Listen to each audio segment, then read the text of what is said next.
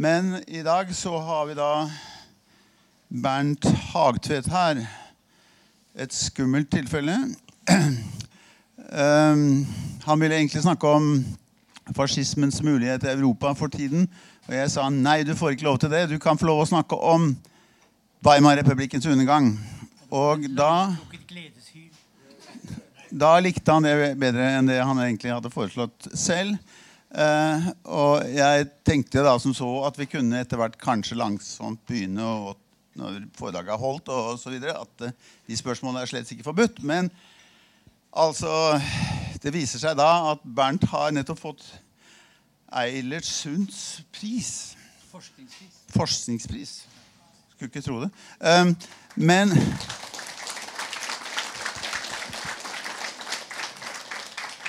Da han holdt det foredraget ad, eh, Apropos den forskningsprisen, så snakket han om hvorvidt Europa kanskje ville få en eh, nazisme eller fascisme igjen allikevel. Så kanskje han burde holdt det foredraget her i kveld. Men Kommer igjen, nå jeg kommer igjen, jeg kommer igjen. ja, Iallfall så blir det nå Weimar-republikkens undergang. Det er nemlig, tror jeg, ditt yndlingsforedrag.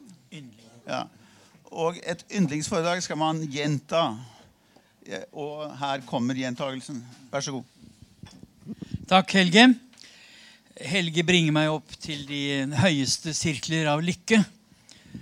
Eh, Å kunne snakke til en eh, tilstedeværende forsamling uten avbrytelser om Weimar-republikken. Det er en lang tradisjon i, mitt liv.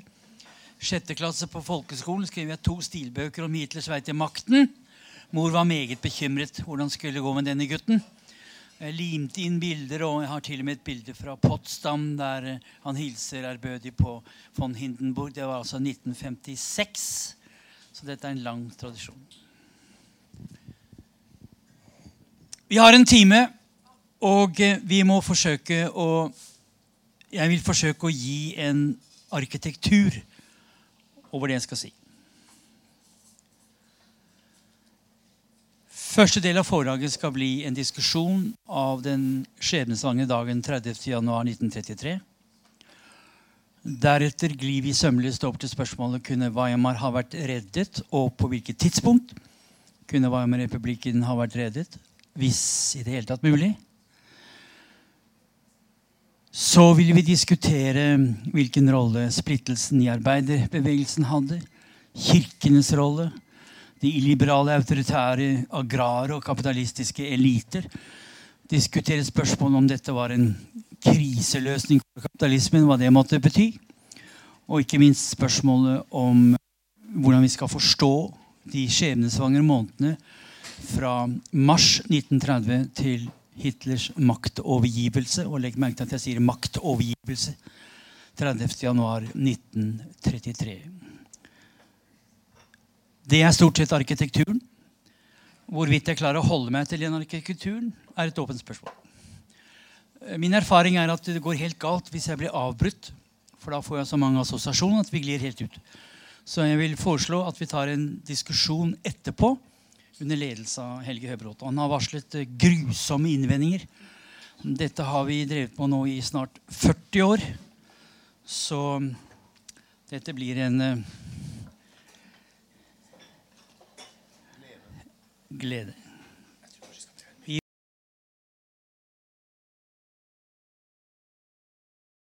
Vi- prøver det. Ok, i gang. Nå full konsentrasjon. Full konsentrasjon.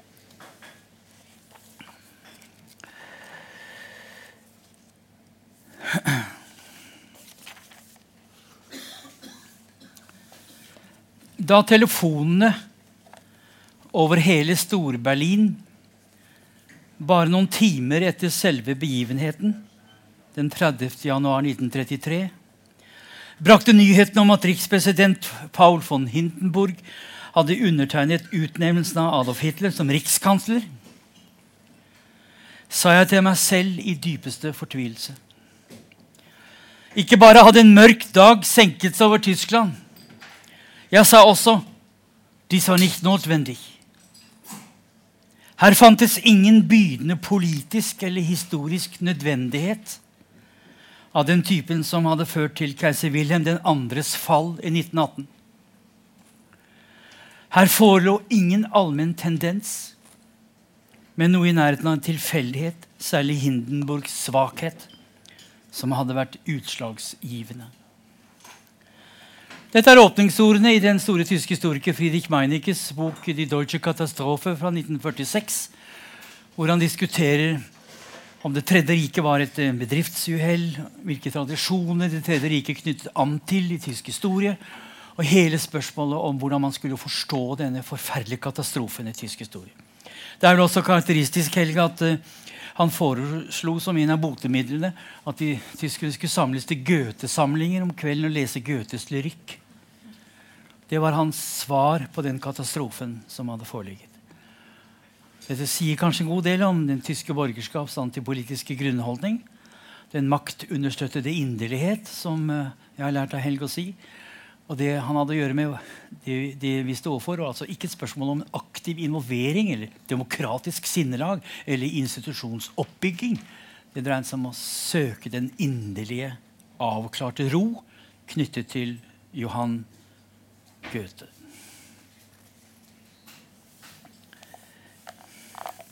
Spørsmålet som vi står overfor, er var maktovergivelsen tilfeldig. Meinecke mente ja. Han fokuserte på Paul von Hindenburg. Paul von Hindenburg hadde vunnet rikspresidentvervet med 19 millioner stemmer våren 1932. Hitler fikk 13. Von Hindenburg da i sitt eh, 78. år hadde lest to bøker, Den prøyssiske hærs almanakk og Bibelen. Han var ganske senil, men han hatet Adolf Hitler. Han hatet den østerrikske korporal. Og man kan grunnen være til at han ble overtalt å slippe ham inn? Vi har å gjøre med ikke med en machtergreifung, ikke en machtübergabe, ikke en machtübername, men en machtübergabe. En maktovergivelse fra illiberale, autoritære eliter som på den måten ønsket å rulle det tyske demokratiet tilbake og hadde ett felles mål fjerne Weimar-demokratiet. Og den alliansen som oppsto, mellom de tyske autoritære kretser og nazipartiet var utelukkende negativ. De hadde ikke noe felles program. Poenget var å knuse demokratiet. Så La oss begynne denne forelesningen med å si noe om denne Meinikes grunnvisjon, nemlig at dette var ikke nødvendig. La meg også minne om hvilken type problemstilling vi står overfor. 30.1.1903 var altså satte toget i gang som førte til en annen verdenskrig. Vi har å gjøre med en sivilisatorisk katastrofe uten grenser. Man snakker om 55 millioner drepte i annen verdenskrig. Dette kan føres tilbake til Hitlers maktovergivelse 30.1.1933. Det er naturligvis eh, et minimalt problem knyttet til det som opptar de fleste statsvitere for tiden, kommunesammenslåinger. Men jeg vil allikevel si at det er et ganske viktig tema. Så her er vi i gang. Det som skjedde, var at den 30. januar så gikk det rykter som er satt i gang av eh, eh, flere i nærheten av Gøring og Goebbels at det skulle komme et kupp. Det var usikkert om sosialdemokratene SPD skulle sette i gang Reichsbane. Om det skulle komme til generalstreik. Her må vi med en gang tenke historisk. Grunnen til at den tyske venstresiden var så svak eller så nølende, hadde sammenheng med erfaringen umiddelbart etter første verdenskrig. Kapp Putsche, volden fra Høyre, drapene på Luxembourg og likkneft i 1918. De var veldig engstelige for å komme ut i en tilsvarende situasjon med massiv vold fra Høyre. Eh, de siste eh, forhandlingene mellom Otto Meisner og von Papen, som er denne sakens onde ånd, komme til en enighet om at man skulle utnevne Hitler. Og de regnet med at han skulle holdes under kontroll fordi det var bare tre kabinettmedlemmer som var NSDAP. Det var Frick, som var innenriksminister uten portefølje. Han hadde ikke kontroll over politiet. De hadde Gøring, som hadde kontroll over politiet bl.a. i Preussen. Det var helt avgjørende. Hitler var rikskansler. Og så, uh, så var poenget at, at uh, Hogenberg, uh, som var lederen for det nasjonalkonservative partiet, han fikk Industri- og landbruksdepartementet. Blomberg, som ble kalt Gummeløve, for han smilte hele tiden, selv om han var en ganske autoritær person. Han ble forsvarsminister. Og fra herr Konstantin von Neurath ble utenriksminister. Det var et bevisst forsøk fra Hindenburgs side på å berolige den tyske konservative opposisjonen. at man fikk en adelsmann som utenriksminister. Det gamle, klassiske konservative. Her med en gang ser vi en problemstilling. Hva var forbindelsen mellom det agrar-industrielle høyborgerskap på den ene side og denne plebeiske, marsjerende eh, oppkomlingen fra Braunau? Og vi kan en gang si at Hitlers tyske autoritære forbundsfeller hadde ingen idé om den nye politiske appellen fra nazipartiet. For dem var politikk å flytte massive ressurser i fløyelsprydede salonger, press direkte på, på eh, forbundsdagen eller riksdagen. For Hitler var det først og fremst å øve et konstant trykk på det politiske system ved marsjering i gatene. Systematisk oppbygging av SA og senere SS-avdelinger, og på den måten hele tiden holde de evig marsjerende og trykk på det politiske system. Dette skjønte jo de konservative eliten ingenting av. Det var en ny type moderne politikk, massepolitikk, knyttet til det 20. århundre, som satte de konservative totalt i skammekroken. De skjønte ingenting. Det var en systematisk undervurdering av Hitler. Von Papen sa vi løser alt. Nå har vi malt ham inn i et hjørne. Der har vi ham. Vi setter en nål i ham. Vi har ham under kontroll. Vi vet alle hva som skjedde. Riksdagsbrannen kom 28.2. Um, vi vet ennå ikke hvem som tette på. Det var antagelig Marinus van der Lobbe. Det er uklart. Og så kom Ermektigo-Gesetz 1.3, hvor alle Weimar-konstitusjonens 25. mars. Hvor alle Weimar-konstitusjonens friheter ble strøket med et pennestrøk. Hva var egentlig skjedd? Klokken 11 den 30 januar 1933 så reiste Hitler til Rikskanselliet for å få de siste instruksjoner og forhandlinger med von Papen. De gikk opp i annen etasje, hvor von Hindenburg bodde. og det hører med til historien her, at von Papen, som jo ikke hadde vært kansler på um, siden midten av desember, han bodde fremdeles i kanslerboligen eh, i Berlin. Den nye kansleren, Kurt von Schleicher, armégeneral, med særlig ansvar for kontakten med bl.a. fagbevegelsen, var ennå ikke flyttet inn. Og Det hører med til uh, sidene ved denne saken. At På den måten så var både von Hindenburg, von Papen, Schleicher og alle sammen fullstendig skjermet for offentlig innsyn. De kunne gå i hverandres hager, og ingen medier kunne helt tatt hadde noe med å undersøke uh, hvor de var. Med andre ord, vi, vi har et viktig trekk ved alle slike forfallstendenser. Den politiske arena snevres inn. Akkurat det samme som Mussolini i 22. Forbindelse mellom Giolitti og Mussolini det, det er bare noen få mennesker det dreier seg om. Den politiske arenaen snevres massivt inn. Ikke noe innsyn. Og ingen av de parlamentariske partiene hadde noe de skulle sagt. Viktig kjennetegn ved demokratier i forfall. Um, von Hindenburg administrerte eden respekterer konstitusjonen og alle tyske lover.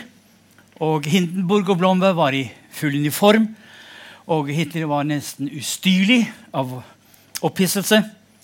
Og von Hindenburg ønsket herrene velkommen. Måtte Gud hjelpe dere. Farvel. Om kvelden så marsjerte 25 000 SA på det SA-soldater gjennom Brandenburger Tor. Hitler hadde visstnok stått i Eh, det store vinduet i eh, kanselliet, satt alltid hendene i siden. Og når han så noen, så plystret han henført til gamle kjenninger der nede. Og han sa hvis hun skal ha sagt til sine nærmeste medarbeidere ingen makt skal få meg ut av denne bygningen. Der fikk han rett. Ingen makt fikk han ut. Men han falt, som dere vet, for egen hånd.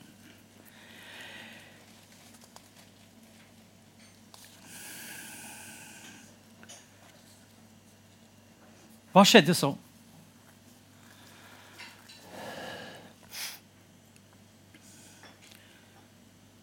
Kunne Weimar-republikken ha vært reddet? La oss vie noen minutter til det spørsmålet.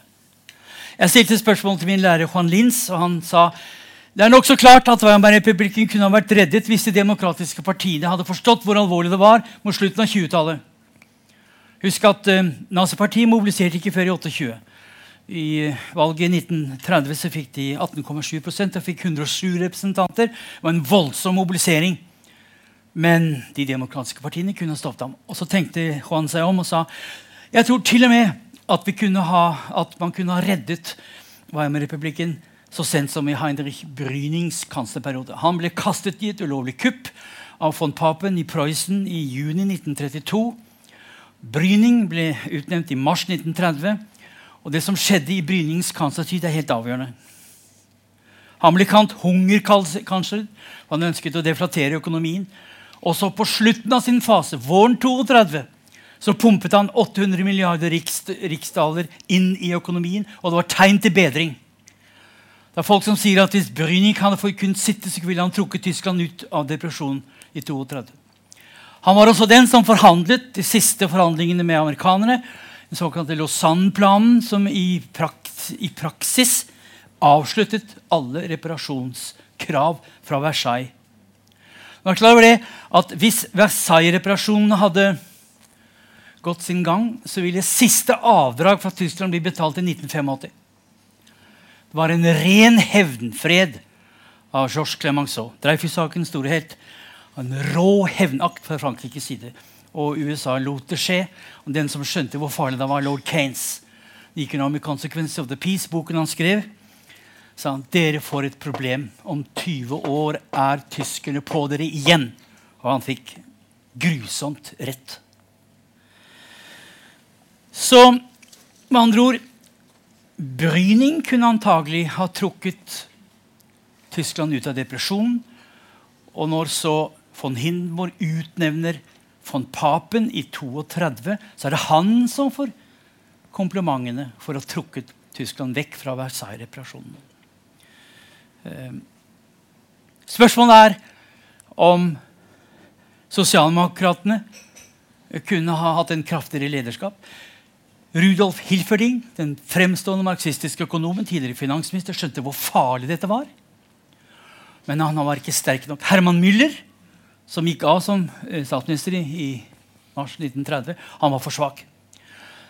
Hvis republikken skulle ha vært reddet, så ville Müller, eller Hilferdig, da, men Müller, måtte klart markere avstand til fagforeningen. Det var, det var han for svak til å gjøre.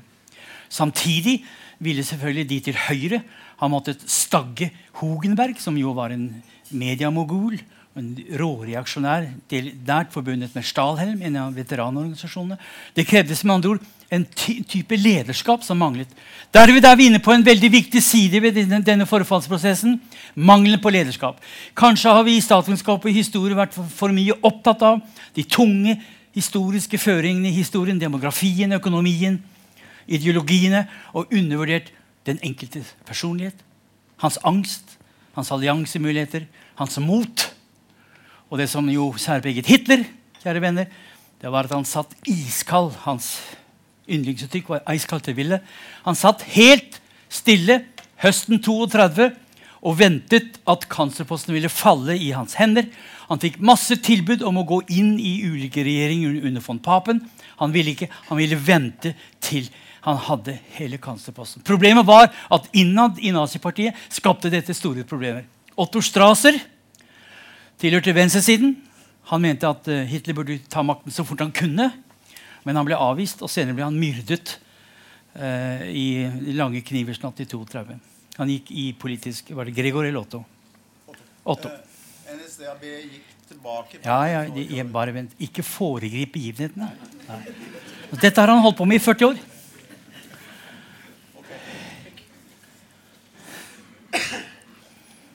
I, I, love him so much. You can't believe it. Altså. En av grunnene til at opposisjonen innen, India fikk vann på mølla, var jo at nazipartiet gikk tilbake ved valgene i november 1932. Fra 37, 32, 37,7 til 33,1. Mistet 34 mandater. Var nazipartiets framgang i ferd med å kulminere? Var bølgen i ferd med å senke seg? Strauss sa hør her, vi må gripe vakten nå. Hitler bare roet helt ned. Og han ventet på at tiden skulle komme. Hvilken tid vi snakker om, skal vi gradvis vende tilbake til. Husk at vi hittil diskuterer om Weimar kunne ha vært reddet. Vi har vært opptatt av de økonomiske sidene ved Weimar-depresjonen. Brynings forsøk på å reflatere økonomien. Eh, altså bruke regjeringens motkonjunkturpolitikk. Men det var da von Papen som da fikk æren for dette. Det er gode grunner for å si at løpet var kjørt sommeren 1932, da von Papen, nyutnevnt av Hindenburg, kastet Otto Braun i Prøysen. Han var en ledende sosialdemokrat. Han var på ferie i januar 1933. Ingen regnet med at det var noe særlig alvorlig, og at Hitler bare skulle vare noen uker. Det mente venstresiden. Bare noen uker, så tar vi ham. Den franske ambassadør Poncet sa det er over nå. Hitler er fanget inn. Har vel engasjert en total undervurdering av Hitler hele tiden. Så avgjørende her er å merke seg at valg ikke bør være kriseløser. Hvis vi ser sammenligningen i Europa i mellomkrigstiden, så vil vi se at valg gjerne åpner opp for mobilisering fra autoritære kretser. Tyskland hadde fem valg fra 30 til 33. To presidentvalg, to riksdagsvalg og flere lokalvalg. Resultatet var at nazistene bare fikk mer og mer å si. Mens derimot i Storbritannia der holdt britene pusten, skrev ikke ut valg, kom i uniformforbud mot Mosley, slik at den britiske fascismen ble ikke noe, ble ikke noe alvorlig i det hele tatt. Altså, valg kan være en pseudoløsning i krise. Så man kan si at um, der du har hyppige valg, så er det tegn på krise. Med en gang får jeg selvkritikk. Hellas i, det kan være et unntak. Da var det jo masse valg. Og det var problemer. Hvilke, hvem skal overleve? Ny demokrati, PASOK. Så, til slutt, så, som dere husker, så forente jo grekerne seg omkring Syriza og skapte et regjeringsdyktig flertall. Men det avgjørende problemet i demokratiforhold, med unntak av Hellas, kanskje, da, det er at valg åpner for at autoritære bevegelser får større innflytelse.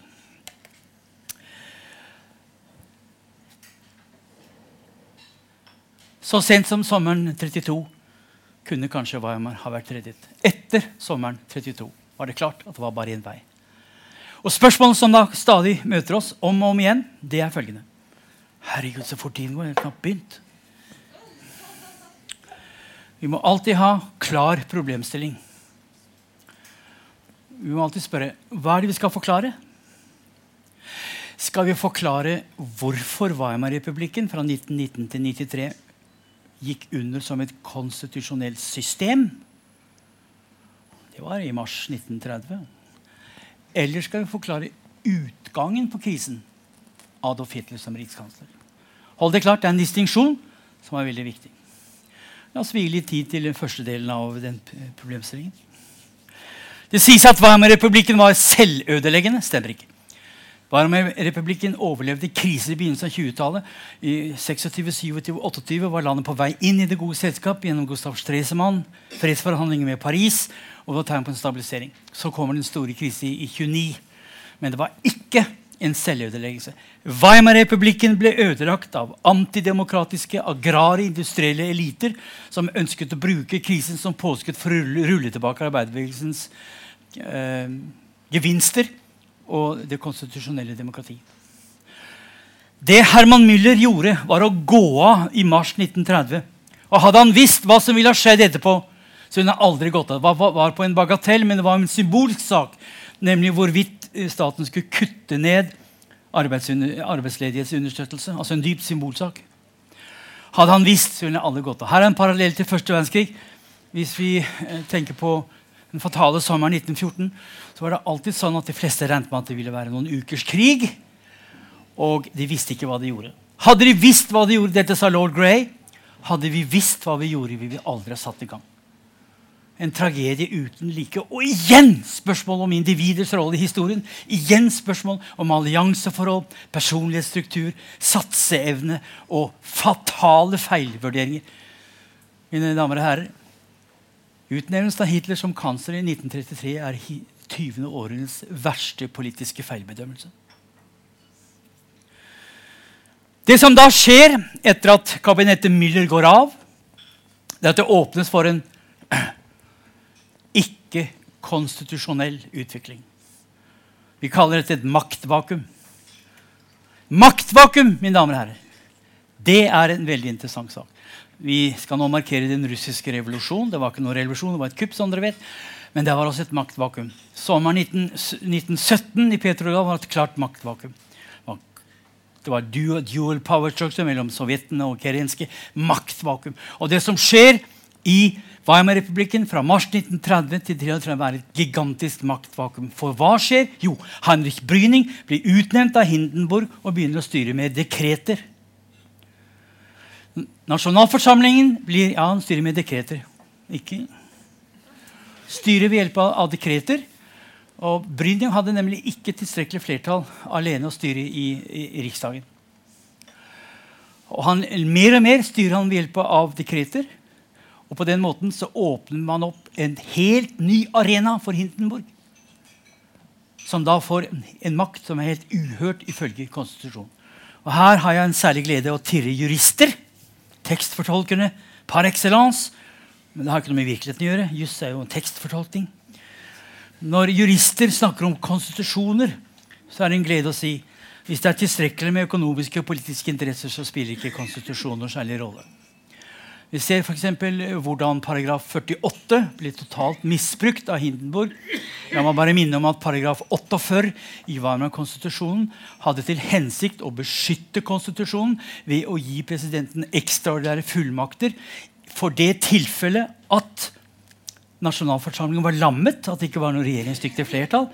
Da kunne presidenten Fortsette å styre med dekreter på den måten å bevare stabilitet. Det dette hadde Friedrich Ebert brukt flere ganger på 20-tallet.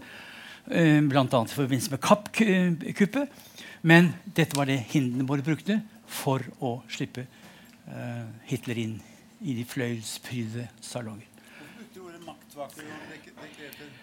Maktvakuum det var for det var ikke noe regjeringsdyktig flertall. Og det vil si at presidenten kunne styre ved hjelp av dekreter. Så kommer vi til et grunnleggende spørsmål. Hvorfor ble SPD så hatet? Tyske sosialdemokratiske partiet var en ulv i fåreklær. Hvordan det nå er. Får i ulveklær. Skal komme tilbake til det. SPD var det mest moderate sosialdemokratiske parti i Europa. Langt mindre radikalt enn f.eks. det franske. For ikke å snakke om det britiske. Eh, ved revolusjonen i 1918 så ble den ikke gjennomført, for det hadde ikke penger til stasjonsbillett. Og når de skulle skyte på høyresiden fra et kongelig palass, har det beskrevet at de satte opp en, en teppe for ikke å ødelegge vindusrammene med sine mitraljøser. Dette partiet var hatet til de grader av Hindenburg. Hvorfor? Er og blir en gåte. Og jeg mener også at kampen mot sosialdemokratiet var det avgjørende kjennetegn ved de eliter som ville ødelegge konstitusjonen. Hvorfor dette hatet? Og her kommer det til min tese. Dette er min tabloide tese for å forklare annen verdenskrig. Annen verdenskrig ble forårsaket av noen utsultede krøtter og noe halmstrå i godset Neudek øst for elven. Hold fast i det. Hva mener jeg ved det? Her kommer et resonnement som dere kan smake litt på.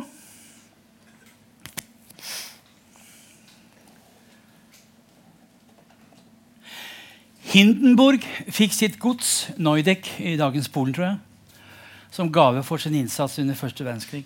Det var et klassisk junkergods som selvfølgelig var systematisk i underskudd. Poenget med den tyske regjeringens bistandsavtale, eller bistandsprosjekt, Osthilfe, det var å øke disse godsenes effektivitet i konkurranse med de polske småbrukerne som var der, som var langt mer effektive. I virkeligheten så ble pengene brukt for å opprettholde en døende livsstandard og levestandard hos eh, junkere øst for elven. Det betydde i sin tur at nesten alle snøyt. De tok penger fra staten under Osthilfe som skulle vært brukt til noe helt annet. Det gjaldt også Hindenburg, og han skjønte hele tiden at han snøt. Sosialdemokratene så dette her. Otto Braun i Preussen var helt klar over hvor farlig dette var. Og ved enhver kontakt i regjeringsforhandlingene så sa de vi skal ikke bruke dette. Rudolf Hilfling var også veldig opptatt av at dette var livsfarlig. Det var aldri aktuelt å bruke denne informasjonen fra SPDs side. De visste hvor farlig det var, for de visste at Hindenburg ville gjøre omtrent alt han kunne for å knuse dem dersom denne informasjonen kom ut. Kan vi her ha å gjøre med en forklaring på hvorfor Hindenburg, som hatet den østerrikske korporal, lot seg overtale av von Papen? For det første så lot han von Papen ta kuppet i Preussen. Dvs. Si at han fikk ta kontroll med politistyrkene. Det er avgjørende. Og de skjebnesvangre dagene fram mot 30. januar så ser vi hvordan hatet mot sosialdemokrati er det den satsplanken som Frans von Papen hele tiden bruker for å komme inn for hørevidde av den gamle senile 85-åringen. Vi ser også i januar det er som å følge en gresk tragedie. Hvordan da von Papen forsøker hele tiden å få kontakt med Hitler. Berømte møte 4.1 i banker Schrøders villa i Köln. Der er det et møte mellom Hitler og von Papen. Pressefolk ligger i buskene og tar bilde alt sammen. Det blir offentlig med en eneste gang. Men det blir kjent at det forhandles om å bringe Hitler inn i kabinettet. Valget i Lippe 15.1 viser at uh, eh, NSDAP-partiet har omtrent samme støtte som før. Er kulminert, men det øker iallfall ikke. Så problemet er da Hitler skal bringes inn, men under hvilke vilkår? Den daværende kansler het Kurt von Schleicher. Han ble for øvrig myrdet sammen med kona i Det lange knivers natt i juni 1934. Han var en general i det tyske Reichswehr som hadde til oppgave å ta kontakt med sosialdemokratiet. Og det faktum at han i det hele tatt hadde kontakt med SPD, ble brukt av von Papen for å tvinge eller overbevise eller hva som helst Hindenburg at man ikke skulle ha noe med sosialdemokratiet å gjøre, og at Hitler var den eneste klare frontstilling mot bolsjevismen. Problemet her var jo at SPD ønsket jo et annet samfunn. De ønsket jo sosialisme. De hadde en retorisk eh, oppblåst mine. Men samtidig var de konstitusjonens faste forsvarer. De var altså språklig sett eh, får. Eh, altså de, de, hadde en retorikk som ikke ble fulgt opp av handling. Og det er livsfarlig. Skal du gjøre revolusjon, så får du gjøre det med en gang. Hvis ikke så er det livsfarlig. For det eneste som gjør når du har en sånn retorikk, at du, dine fiender samler seg. Det er presis dette som skjedde våren 36 i Spania. At eh, den spanske venstreregjeringen begikk en kjempetabbe og snakket om revolusjon. Samtidig, og da, de, da, utelukket de kontakt med de moderate elementer i den katolske høyre som kunne ha reddet republikken. Det samme skjer vi i 1930-33. Sosialdemokratene ønsket et annet samfunn samtidig som det blåser seg opp retorisk. Det var en kjempetabbe. Hilferding skjønte dette, her, men han var for svak. Von Schleicher hadde ett problem. Følg nøye med nå. Han ble utnevnt i desember. Han vet at han ikke har flertall i Riksdagen. Han må overtale SPD om ikke å stemme ham ned. Hvis han ikke blir stemt ned, så kan han fortsette å styre ved hjelp av dekreter og kanskje trå vannet til Hitlers faren er over. Men det som da skjer, er at von Schleichers spede forsøk ikke på å få allianse med SPD, men å få SPD til å unnlate å stemme hans regjering ned. Denne kontakten var i seg selv det som gjorde at von Papen fikk Hindenburgs øre. Frykten for Osthilfe-avsløringer gjør at von Schleicher avskjediges for å ha forsøkt å få kontakt med SPD i et forsøk på å utsette avstemningen i Riksdagen, som gjorde det mulig for ham å fortsette å handle på dekreter.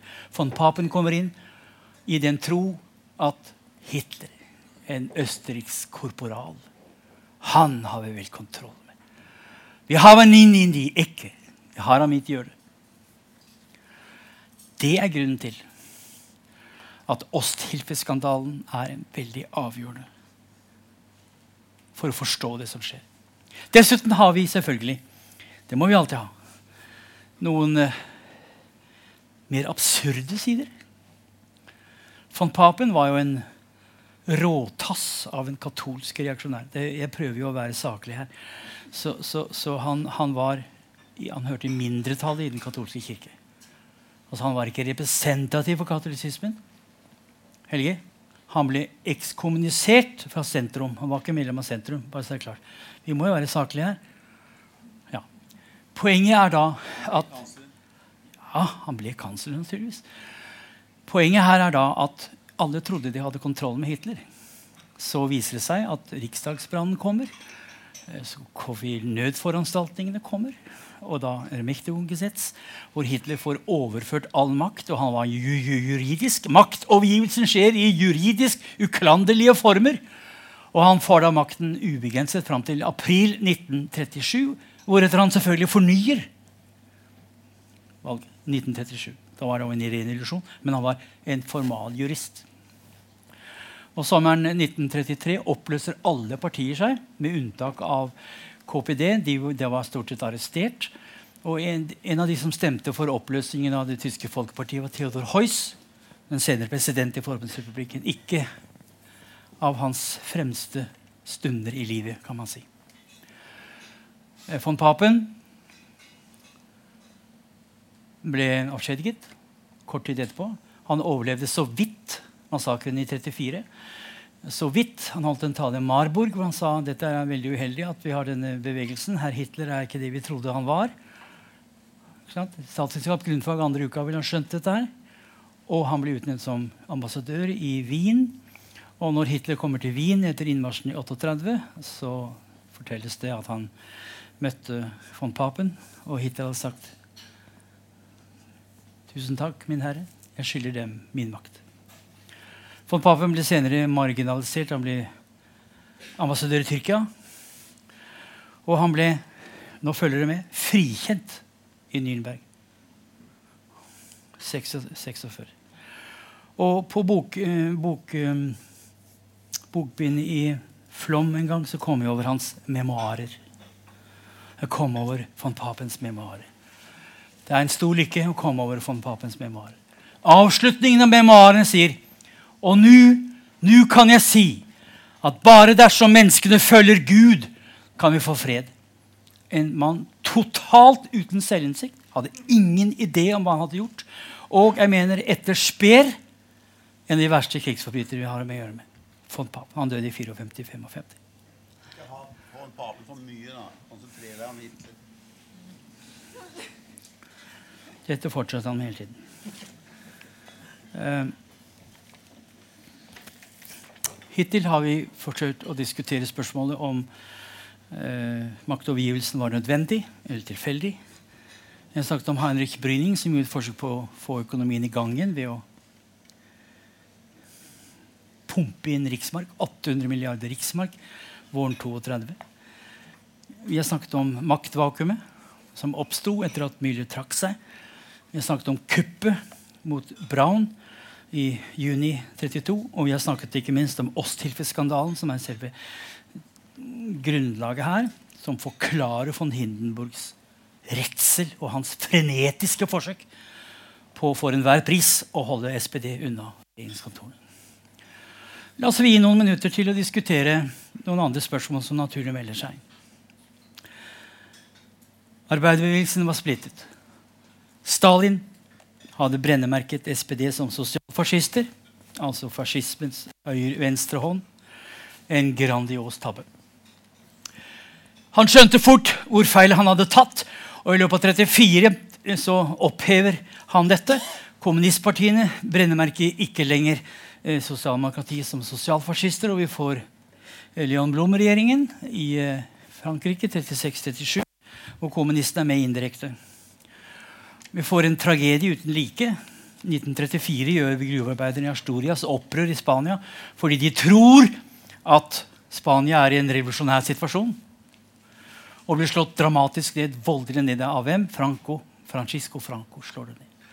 Det betyr at den spanske arbeiderklassen helt, blir helt fullstendig fremmedgjort overfor republikken. Men det er en sidesak. Jeg har allerede avtalt med Helge at jeg skal komme og forelese en hel uke om den spanske borgerkrigen om ikke så lenge. Er det ikke sånn, Helge? Jo, han nikker. Poenget her er at arbeiderbevegelsen var delt i to. De, KPD hatet SPD, SPD hatet KPD. Og Problemet var jo at KPD av og til hadde samarbeid med NSDAP. Under transportstreiken høsten 32 så har altså både kommunistene og nazistene de former et alliansebånd mot republikken. Her har vi altså tragedien. Etter valget i mars 1930 har vi en riksdag som ikke lenger fungerer. Det er to totalitære partier. Til høyre NSDAP og til venstre KPD, som selvfølgelig ikke vil ha noe med republikken å gjøre. Resultatet er at regjeringen lammes og åpner opp for maktvakuumet og åpner opp for dekretstyret fra Hindenburgs side. Her har vi annet veldig viktig kjennetegn ved eh, eh demokratirepublikkens fall. En lærdom som vi kan trekke fremdeles. Valg løser veldig lite.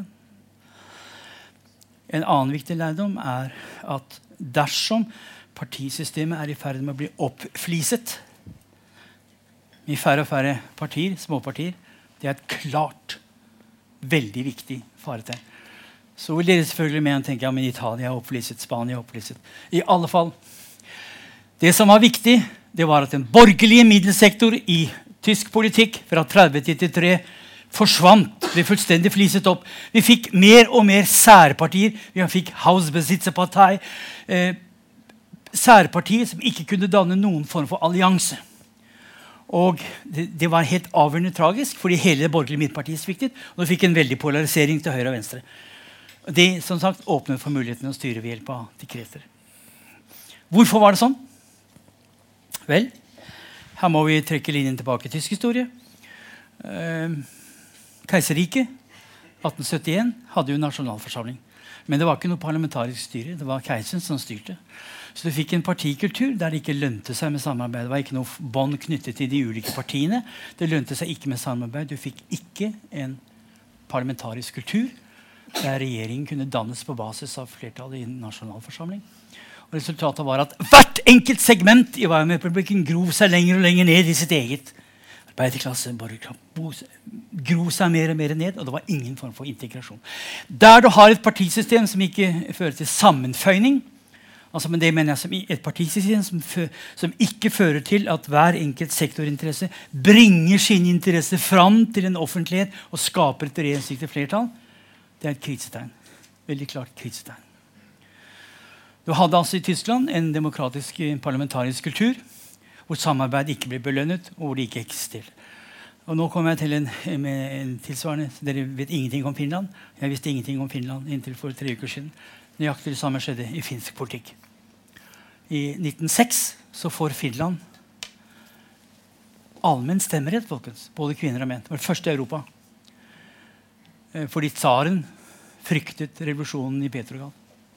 Men det som da skjer, er at i valget 1907 så får det finske sosialdemokratiske partiet masse stemmer. 80 mandater. Men siden man ikke har parlamentarisme, så har, har det ikke noe effekt. Det får ingen innflytelse på regjeringsdannelsen. og Resultatet er at den finske arbeiderbevegelsen blir dypt fremmedgjort fram til borgerkrigen i 1918. Selv om det finske sosialdemokratiet var enormt populært, fikk støtte med en gang, var ingen samarbeid. Dette er en tragisk situasjon som går igjen i denne perioden. Og la bare minne dere om finske borgerkrigen.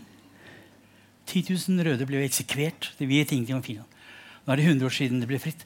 Men det er en parallell mellom den tyske riksdagens manglende funksjonsdyktighet og den finske republikkens manglende funksjonsdyktighet som følge av fremmedgjøring på parlamentet. En veldig viktig bidragende faktor for å forstå hvorfor arbeiderbevegelsen gjorde et forsøk på revolusjon helt fånyttes i januar 1918.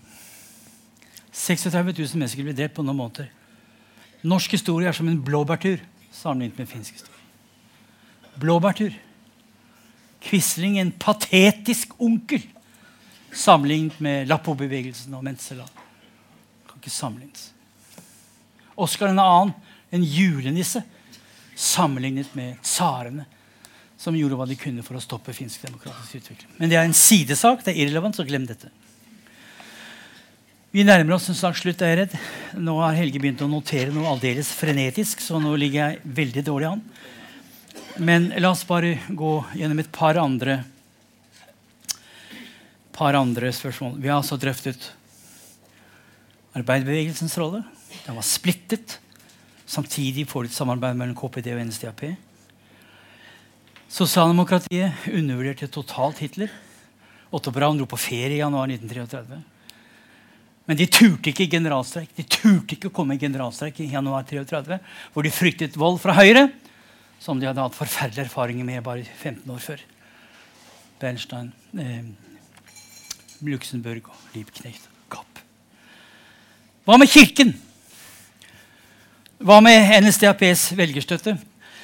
Det er 200 millioner kilometer med bøker om Hitlers velgere. Jeg har vært gjennom én million av dem. Men det er helt åpenbart at det begynner etter hvert å danne seg en slags samstemmighet om at NSDP var det første catch all-partiet i, i, i valghistorien. Trakk stemmer fra omtrent alle hold. Men de gruppene i Weimar-Tyskland som best motsto, det var kommunister og sosialdemokrater. De holdt stort sett eh, fangen gjennom hele Weimar-republikken. Med unntak av arbeidsløse kommunister de gikk ofte direkte over til NSDAP. Det var ikke mange, men det gjorde det. De borgerlige partiene ble totalt tømt. Og må huske på at, at, Hitler aldri ble valgt. Hvis noen sier at Hitler ble valgt, så trekker jeg min pistol. Hitler ble aldri valgt. Han fikk bare 42% av stemmene på toppen. I mars, 5. mars 33 så fikk hans koalisjon med Hogenberg, DNVP, det eh, Deutsche Nationalvolkspartei, 55% Han ble aldri valgt. Det var alltid flertall tyskere mot nazismen. Og som dere vet, selvfølgelig eh, Kurt Vonnegut som sa Vet dere forskjellen mellom George Bush og Hitler? Hitler ble valgt. Han ble altså ikke valgt. men Det var en vits. Det var Kurt Vonnegut som selvfølgelig mente at Bush aldri ble valgt. I alle fall. Hva med Kirken? På tross av at NSDAP var et catch all-parti, så finner vi noen tyngdepunkt Protestanter flokket seg mengdevis til eh, NSDP. Eh, Nord-Tyskland var sterkt NSDP-orientert. Vi finner i Schleswig-Holstein enkelte kommuner som med 28 stemmer 98% for nazismen. Hvorfor det? Jo, De har gjennomgått hele partifloraen for å få hjelp i den krisen de har. Ingen svarer, og som siste last resort så stemmer de NSDAP 28. Så det er altså forankringspunkter lavere funksjonærer, protestantiske bønder, ankerstelte og selvfølgelig eh, bankfunksjonærer, lavere offentlig tilsatte bønder og lavere presteskap stemte NSDAP. Der protestanter stemte NSDAP. Katolikker stemte mindre det NSDAP. De områdene der katolisismen sto sterkt, f.eks. i Ermland, der var nazismen svakest. Det vi ser, det er at katolisismen representerer en immuniseringsgrad. Det tyske sentrumpartiet holdt seg jevnt over ganske sterkt gjennom hele Weimar-republikken. Og eh, de tyske katolikkene ble selvfølgelig helt mildere stemt når Hitler laget sitt konkordat i 34 med paven.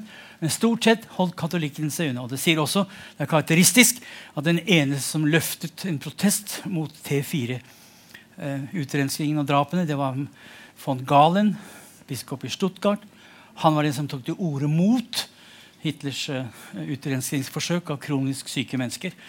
De fortsatte ikke stille, men von Gahn er blitt stående som en stor person. Men jeg vil gjerne ha sagt at det var ingen som protesterte mot jødene.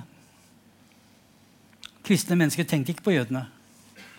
Det er noen eksempler på protestantiske prester som ble med til Auschwitz fra Berlin-Dahlem, men dette er den store, absolutte lufttomme rom, med unntak av Dietrich Bonhoeffer noen få. Holocaust ble ikke nevnt av von Gahl. Så det er den katolske kirke. Her har vi et paradoks. Jeg elsker paradokser. Noe av grunnene til at den katolske kirke ble beskyttet, eller beholdt sin immuniseringseffekt, det var at den katolske kirke var udemokratisk. Den katolske kirke ble styrt ovenfra.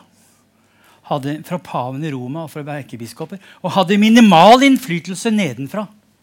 Mens derimot den protestantiske lutherske evangeliske kirken den var sterkt desentralisert. Og det var det helt andre valg. Så der var det mye lettere for nazistene å overta nedenfra. Og hva kan vi lære av dette? ikke for mye demokrati, takk. Ja, et paradoks. Der hvor demokratiet virkelig slo gjennom i kirkelivet, der åpnet det seg også for nazistiske Og der hvor katolikkene sto sterkt, i øst, der var altså nazismen svakest. Så Var nazismen en kriseløser for kapitalismen? Den såkalte Borchardt-tesen. Kurt Borchardt, økonomisk historiker har blitt kjent for å skifte fokus mot venstre. Han legger mye av skylden på Weimar-republikkens fall på venstresiden. Argumentet er følgende. Du kan si det marxistisk at velferdsstaten gjorde det umulig for kapitalen å reprodusere seg på normalt vis. Det, det er en marxistisk uh, oppvurdering. Borchardt sier at den tyske arbeiderklassen uthulet økonomien ved sine krav om velferdsstatsytelser som økonomien ikke kunne bære. Altså med andre ord, De satt på en hest og kjørte sporene inn i siden av hesten. Hesten fortsatte å løpe litt, men så styrtet den. Det er Borchardts tese. Og han mener at uh, det var hovedsaken at det var umulig å gjennomføre det programmet som SPD sto for innenfor rammen av den kriserammede eh, tyske økonomien også så utsatt den var for internasjonale markedsfluktuasjoner. Det er hans tese. Så er spørsmålet, så er spørsmålet hva nå med krisen? Var, det, var nazismen en kriserøse for kapitalismen? At, at, så å si eh, de autoritære elitene pusset eh, Hitler på massene for å holde massen i ro. Eh, noen kjøttfulle bein i forbindelse med autobahn for å holde dem i ro, slik at kapitalismen kunne fortsette omtrent som før. Det første å si der er at disse elitene skjønte at de ikke skjønte noe av Hitler. Hitler, Det som er karakteristisk for Det tredje riket, er at det er politikkens autonomi. Og selv om den private eiendomsrett ble urørt, så var jo de politiske beslutningene som spilte en rolle. Det var mange de tungindustrielle som var uenige i Hitlers økonomiske politikk. Men de hadde ingenting de skulle ha sagt. Så Sånn sett så har vi det som er spesielt som tunge, flotte marxistiske historikere, bl.a. TV Mason, har skrevet en stor artikkel. Hvorfor oppfører Det tredje seg riket ikke slik Marx regnet med? At politikken blir autonom og styrer økonomien. Det er det interessante problemet. Og så kan man si at uh, krisen var jo verre i andre land. Irland hadde langt større arbeidsløshet enn Tyskland. Storbritannia også. Østerrike. Og kom det av at disse landene overlevde. Mens eh, Hitler-Tyskland, i 33, 6 millioner arbeidsløse, falt.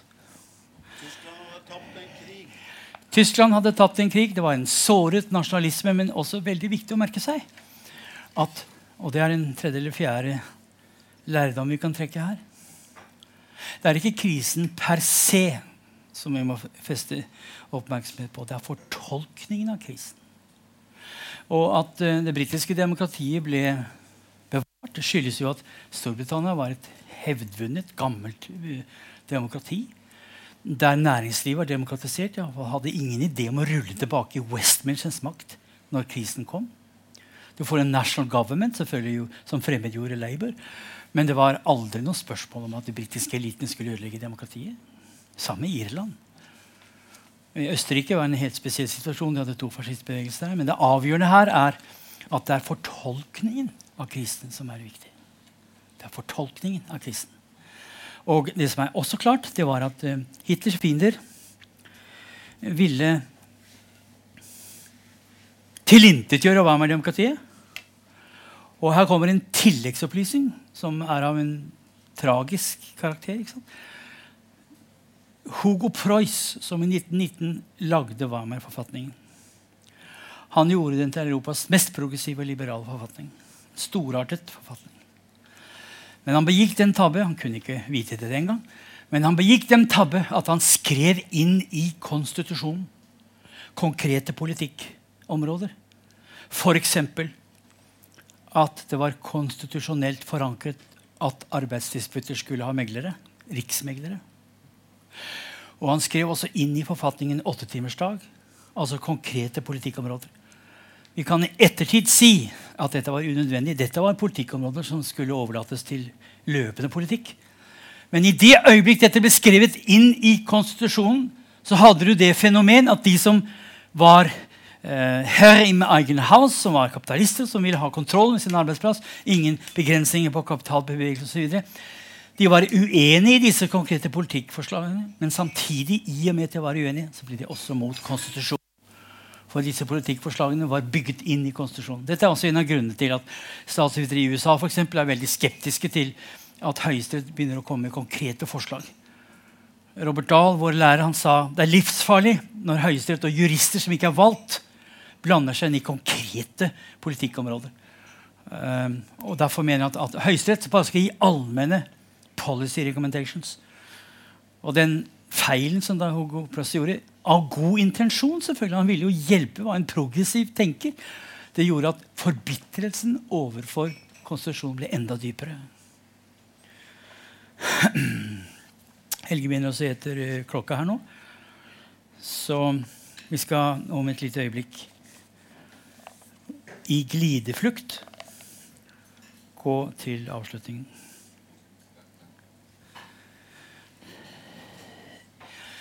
I september 1918 så nedkjempet den britiske soldaten Henry Tandy eh, i Flandern et tysk maskingeværrede. Henry Tandy fikk senere Victoria-korset. Han overlevde bombingen av Coventry og døde i 77.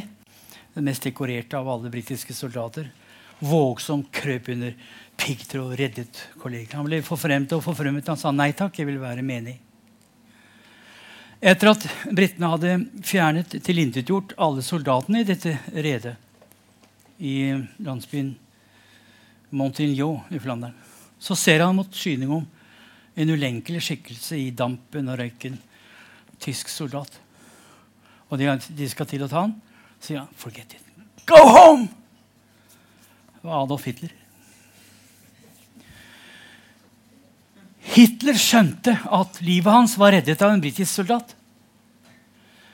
Så da han så Tandy få Victoria-korset i 34, og samtidig så et bilde av Tandy bære en såret soldat vekk fra dette maskingeværet, så skjønte han det var mann. Og han eh, eh, spurte om von Ribbentrop kunne skaffe det bildet fra London. Det skaffet von Ribbentrop. Og når Chamberlain kom til Berchtesgaden, så hang dette bildet over Hitlers pult. Av Philip Tandy, som reddet Hitlers liv. Dere kan jo selv tenke dere hva som ville skjedd om Adolf Hitler var blitt skutt den dagen. Så La meg avslutte med noen få ord om det.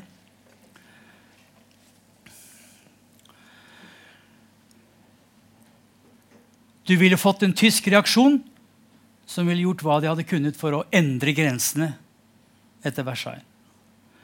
Du ville kanskje fått en begrenset krig mot Polen for å fjerne korridoren, som brøt forbindelse mellom tyskbesatte områder i Memel. Og du kunne kanskje muligens få en krig mot Frankrike, en eller annen punkt, men du ville aldri fått anfallet mot Sovjetunionen. Du ville aldri fått holocaust. Du ville fått forbindelser mellom Sovjet og Tyskland som var ganske godt forankret etter Apollo, med felles øvelse mellom Stalins tropper og Reichswehr. Det var ikke noen grunn for å ha den vanvittige rasebiologiske tyranniet som Hitler sto for, og hans besettelse av Drangnar-Osten. Den tyske, De tyske autoritære kretsene, illiberale, antidemokratiske kretsene, de var en, en autoritær stat. og Det ville vært en bismarkiansk utenrikspolitikk. Prøving og feiling. Frankrike, ja vel. Tar rotta på Frankrike nå og da. og ikke sant, Begrenset krig, men aldri den vanvittige Drangnar-Osten som vi fikk. Dere kan selv tenke dere, Det var for øvrig planer om å skyte Hitler fra den britiske ambassaden som var 300 meter unna podiet der han tok imot troppene. Og Han som foreslo det, fikk beskjed fra Foreign Office. Gentlemen don't do that sort of thing. Så Én kule i 38 var 300 meter unna. Det var planer, men det blir ikke noe. Poenget er, som historikeren sier Nearly everything in history nearly did not happen. Så spørsmålet er hva ville skjedd uten Hitler? Takk for meg.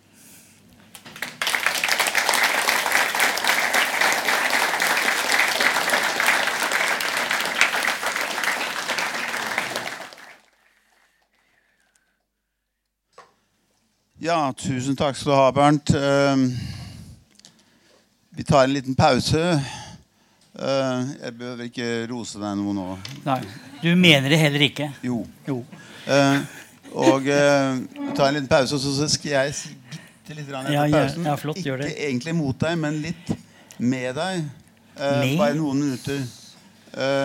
Og så kan vi diskutere mer allmenne spørsmål. Ja. Og det er jo veldig interessant å iallfall bare anstrøke ett tema som du legger så stor vekt på i dette foredraget, bl.a. Det det, det med SPDs svakhet. ja. Eh, ser vi noe lignende nå? I sosialdemokratiene? Er det det vi ser, eller hva er det vi ser nå i sosialdemokratiene? Um, Iallfall er det et punkt som kan diskuteres. Men nå tar vi en liten pause og puster litt først. Og så Tusen takk. lager et par småting. Ja. Ok, vi starter uh, diskusjonen. Har tre kvarter på oss. Jeg skulle som sagt si et par småting. Ikke mot, men med. Med, med. jeg vil vel ikke på den annen side ta litt stilling eh, Var Hitler nødvendig eller unødvendig, holdt jeg på å si? Eh, som Meinecke påsto dette med at det var en bedriftsuhell. Ikke veldig merkelig å si det i ettertid. Men, men eh, det er jo veldig hardt å si at det nødvendigvis måtte komme slik òg. Med sånne Ja. Nei, er psykologiseringer fra Luther til Hitler og alt mulig der eh, greiene vi har. Men Hva? Nei. Um,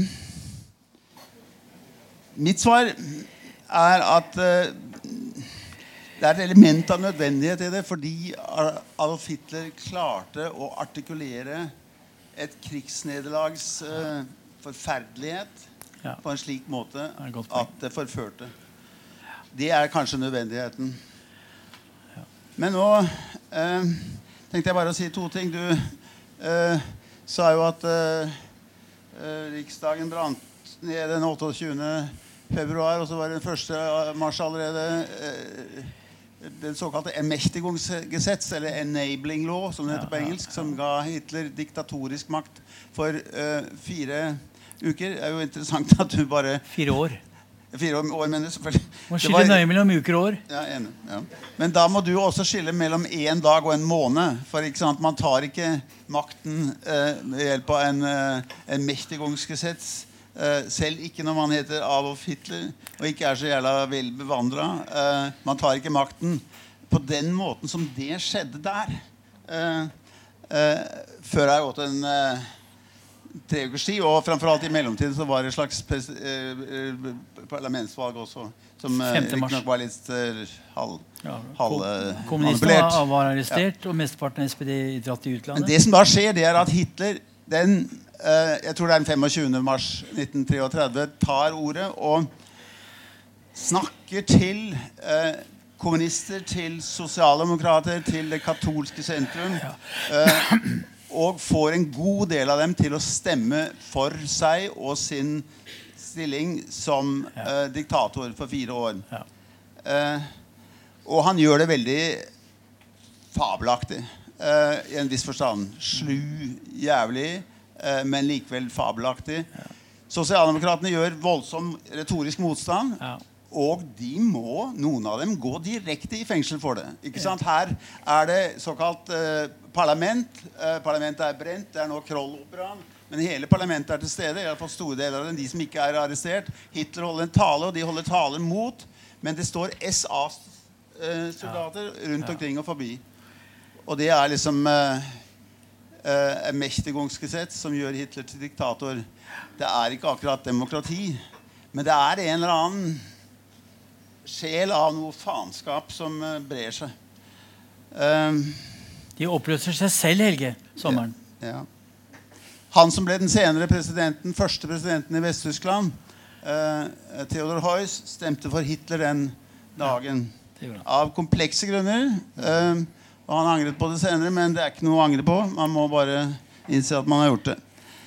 Det andre jeg hadde lyst til å si, og det er det siste, det er at uh, i eh, mars-april 1934 samles en god del uh, veldig viktige personer i Maria Lak-klosteret sør for Bonn. Det ble jo veldig viktig etter annen verdenskrig, for der var jo Adenauer og co. Og Maria Laak det er et av de flotteste stedene i tysk eh, religiøs historie. Katolsk. Der kom altså von Papen med konkordatet fra Roma. Altså den avtalen han hadde utforhandlet med eh, von Papen. Eh, og eh, skulle den proklamere den så å si med eufori i Tyskland for å få fram det der at nå er paven med oss, dette er legitimitet. Hitler er ikke bare Hitler.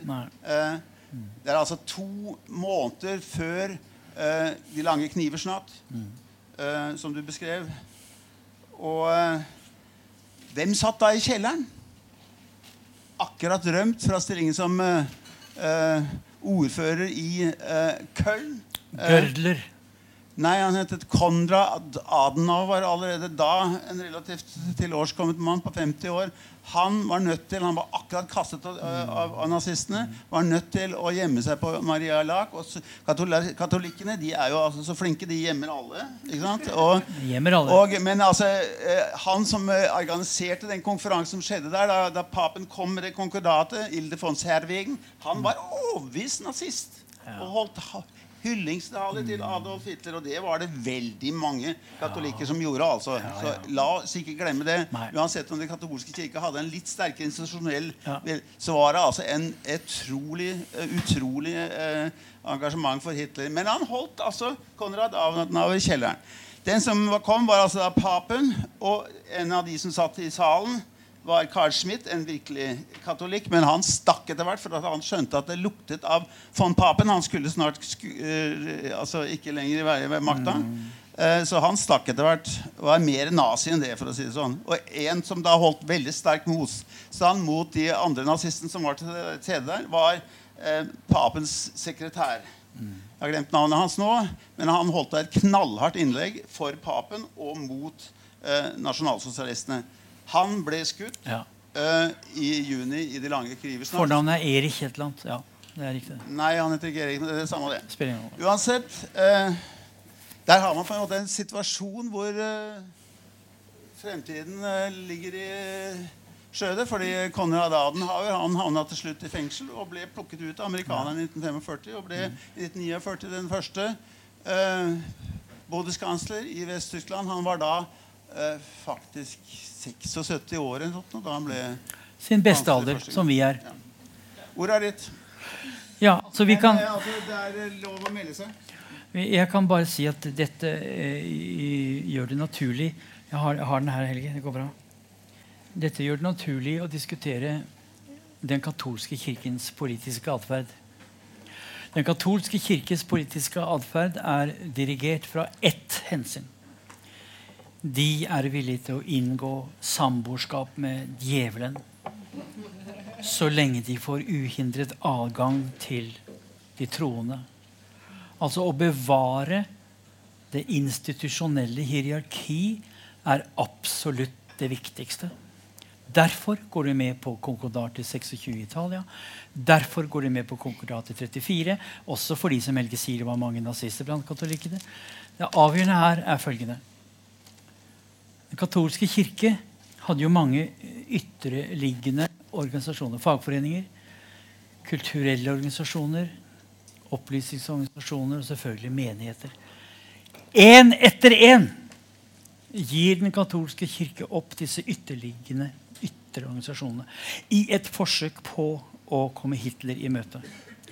Churchill hadde jo et eget uttrykk for dette. her Eh, pieces det er de som gir kjøtt til krokodillene i håp om at de spises sist. Ja, det var Churchill. Han hadde helt rett. Den katolske kirke ga hele tiden Hitler eh, slike kjøttfulle bein i håp om å roe ham ned. Senere så ble jo dette veldig kritisert. Med den letthet med hvilken den katolske kirkes øverste hierarki kunne kvitte seg med bl.a. fagforeningene. Og mange vil hevde at her blir det begått altfor mange kompromisser i et forsøk på å blidgjøre Hitler. Så kommer konkordatet, og da er saken blåst. Det vi skal være klar over, at Hvis Hitler hadde vunnet, ville han ha eliminert all religion. Ikke tvil om. Han betraktet den katolske kirke i Jo, han ville ha tatt livet av alle sammen. Uenig, men sammen. Ja, han er rød. Men poenget her er at uh, slik agerer den katolske kirke. slik kan vi forstå at de gjorde. Allikevel var de det eneste som tok avstand fra T4. Drapene 70 000 mennesker, mentalt um, handikappede mennesker og kronisk syke, ble da gasset i hjel under, under T4. Og merk dere at én ting er at nazismen er en perversjon av, av, konservativ tankegang. Men nazismen er også en perversjon av liberal tankegang. For etter hvert som de handikappede var tatt livet av, så ville nazistene gått løs på eldre ariere. Og da var problemet de lå samfunnet til byrde. De handikappede og syke lå samfunnet til byrde. Det var altså en nyttefilosofi som lå under hele tiden. Og det var et tidsspørsmål for alle de som da ikke kunne klare seg selv, også ville finne gassdøden. Og det gjør at naziregimet nazi er en uhyggelig regime som ethvert voksen eh, politisk menneske bør innforlive seg i hva som skjedde. Det er uhyggelig kan komme igjen. Helge? Ja, uh, tusen takk for et veldig interessant foredrag. Bare... Si, si, hvem du er. Anders Solstad heter jeg. Uh, jeg har studert uh, historie og statsvitenskap.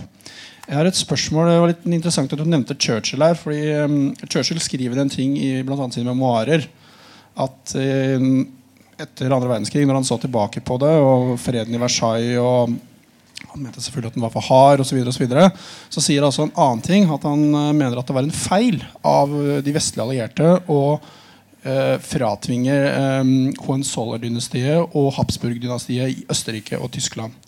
jeg synes det er litt interessant Hun nevner, at, nevner her at sånn som hvis du sammenligner for til Storbritannia at sånn som adelen og sånne ting, de planla jo ikke noe kupp i løpet av 30-tallet. Men Også næringslivsfolk gjorde heller ikke det. Nei, det er riktig. Ja.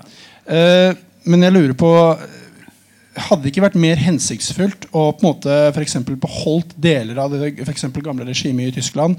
For eksempel Keiseren keiser Wilhelm hadde jo flere brødre. Mange av brødrene hans var langt mer politisk oppegående enn det han var. Ville det ikke vært mer hensiktsfullt? Hæ? Det Nei, det skulle ikke så mye til. Men jeg tenkte, er det en, det er en interessant tanke at uh, kunne det ikke vært en bedre løsning å beholdt deler av, uh, av keiserdømmet? For å måte, da, unngå dette enorme politiske maktvakuumet som Weimar-republikken på mange måter Keisere ville ikke ha betydd noe forskjell fra til. Japanere fikk beholde sin keiser. Amerikanere gjorde noe veldig klokt der. De, de lot japanere beholde keiseren. Men jeg mener Meinik hadde helt rett. Det var bydende nødvendig å kvitte seg med keiseren. For det var en revolusjon i 1918 da han var fullstendig uttømt. og Han var hovedansvarlig for den første verdenskrig. Det var umulig å fortsette. Og han ville ikke ha betydd noen modererende element i det hele tatt. Det tror jeg er helt åpenbart. Og han var en stupid, gal, selvsentrert, Trump-lignende klovn som brukte resten av livet til å hugge ved i Dorn, men som ventet hele tiden på kallelsen fra Hitler. Han skjønte ikke filla av det nye regimet. Ja, dette her er et uh, veldig mange fascinert, uh, fasert uh, spørsmål. Altså vi feirer jo nå om noen eh, ikke så lenge så feirer vi 500-årsjubileet for de 95 tesene som Luther satte opp på kirkedøren i Wittenberg. Og du nevnte at protestantene stemte eh, nazistisk i mye større grad enn katolikkene. Ja. Og de stemte overveldende i Nord-Tyskland, f.eks. Ja. Eh, spørsmålet mitt er følgende. altså Luther hadde jo den toregimentslæren. At uh, du hadde det politiske, og så hadde du det åndelige. ikke sant? Åndelige sfæren. Men mitt spørsmål når det gjelder Luther selv Så selvfølgelig han har ikke så helt rent rulleblad. Jeg tenker på disse forferdelige jødeprekene hans, f.eks. Men han var ikke redd for å tale autoritetene rett imot. Blant annet også fyrstene i, i, Tyskland. Tror du at hvis, hvis, Martin Luther hadde levd, hvis man gjør det tankeeksperimentet, tror du han ville, som jeg tror, talt denne ynkelige korporalen rett imot, og eventuelt da gått inn i martyriet? Når jeg kommer til himmelen, skal jeg spørre ham. Eh, Toregimentslæren var et tveegget sverd. Sigmund Føyling var den ledende nazi-kirkepolitiker under okkupasjonen. Prost i Eigersund. Han sa at romerbrevet i Bibelen, romerbrevet 13.1, sier at vi skal vise enhver verdslig øvrighet underdanighet. Sånn er det. Det er Gud. All øvrighet er av Gud. Vi må vise underdanighet. Og Så ble han spurt da, hva om kommunistene hadde tatt makten. Ja, da ville jeg gjort det samme for kommunistene. Virkelig, Han ville ha strøket i Exfil. Altså. Ja. Altså, det er viktig å merke seg at det var slik ble toregimentslæren fortolket. Og For noen dager siden var det en stor artikkel i Vårt Land om biskopene. Da var det et element av antisemittisme i tillegg. selvfølgelig. Et sterkt element. Sterkt element. Og kristen, hva kristendommen har å svare for når det gjelder jødehat, sett meg ikke i gang. Nå har vi en debatt gående i vårt land om at moral er utenkelig uten kristendommen. Sett meg ikke i gang. Altså hit, uh, Luther ville kanskje Jeg tror ikke Luther ville protestere mot øvrigheten. Når eh, Münzer og gutta begynte å tenke på revolusjon, så vendte han seg øyeblikkelig til de makthavende. Og, hans, og jeg, La meg gå spørsmål til norske kirker. Har du tenkt gjennom reiser noen moralske problemer? En av de verste jødehaterne i historien Luther er denne kirkens inspirasjonskilde. Vårt land bør ta opp det.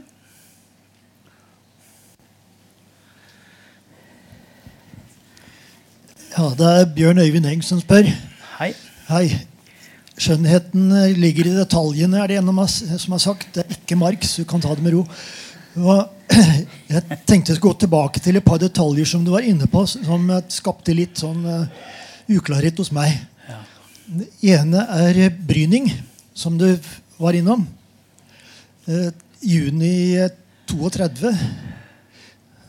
Makten forsvant uh, fra ham etter å ha vært hos Hindenburg. Og jeg tror det er Fischer som skriver noe om eh, detaljene fra det som utspant seg mellom de to. Og når jeg nevner det, så er det dels fordi du har vært inne på personlighetens rolle, og dels har jeg vært inne på kanskje tilfeldighetene, eller hva kunne ha skjedd hvis om at ikke noe annet har skjedd. Og da framstilles det der som om eh, Bryning egentlig han behøvde for det første ikke gå av. Fordi han kunne gått til Riksdagen og fått et flertall. Men eh, han gjorde det lell. Og da er det spørsmål om en psykologisk fortolkning av det, og hva det ville ha betydd for den videre utviklingen. Det kan man jo spekulere på.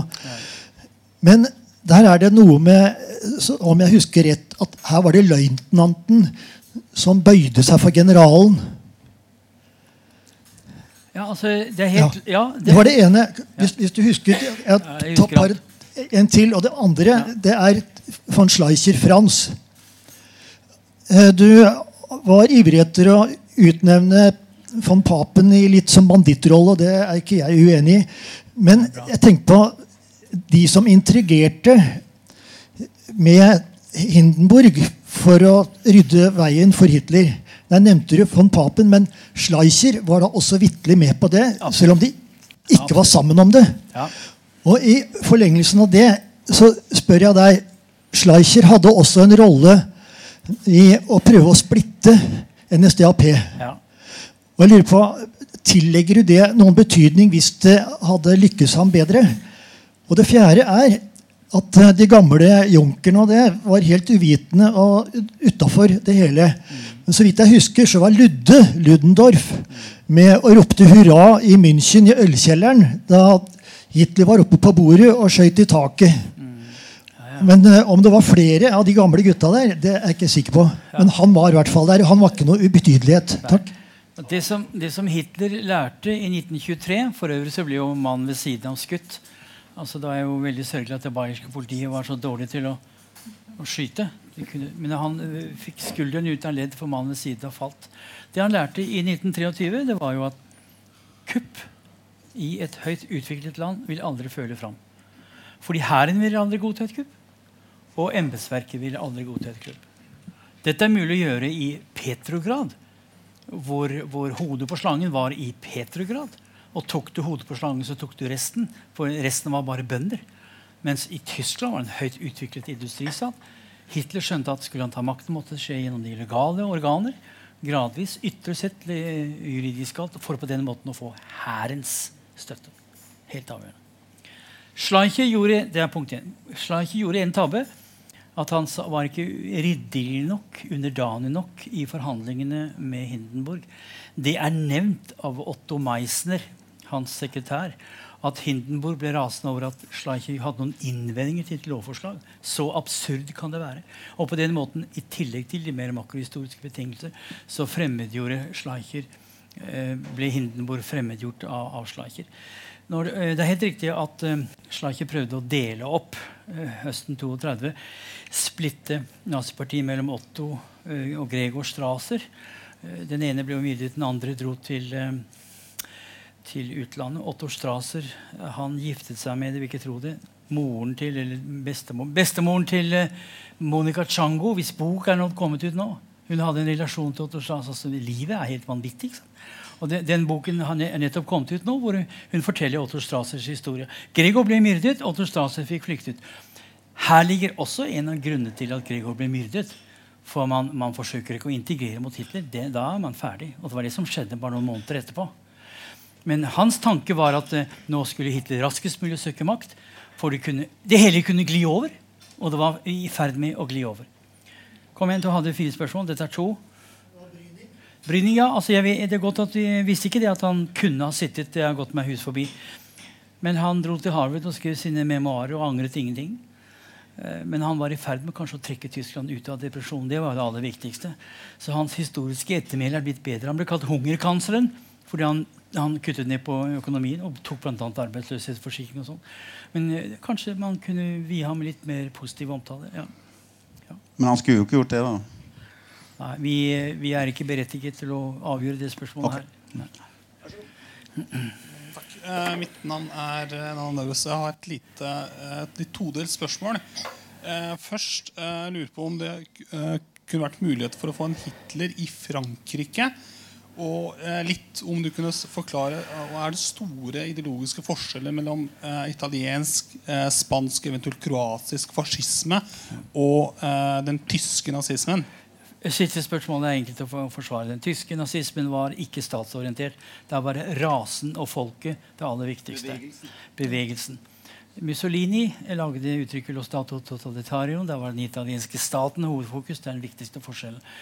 Mussolini var heller ikke antisemitt før han ble tvunget til det ved loven i 38. Men da gjorde han en ypperlig jobb i å drepe mesteparten av de italienske jødene. Men han var opprinnelig ikke, ikke antisemitt.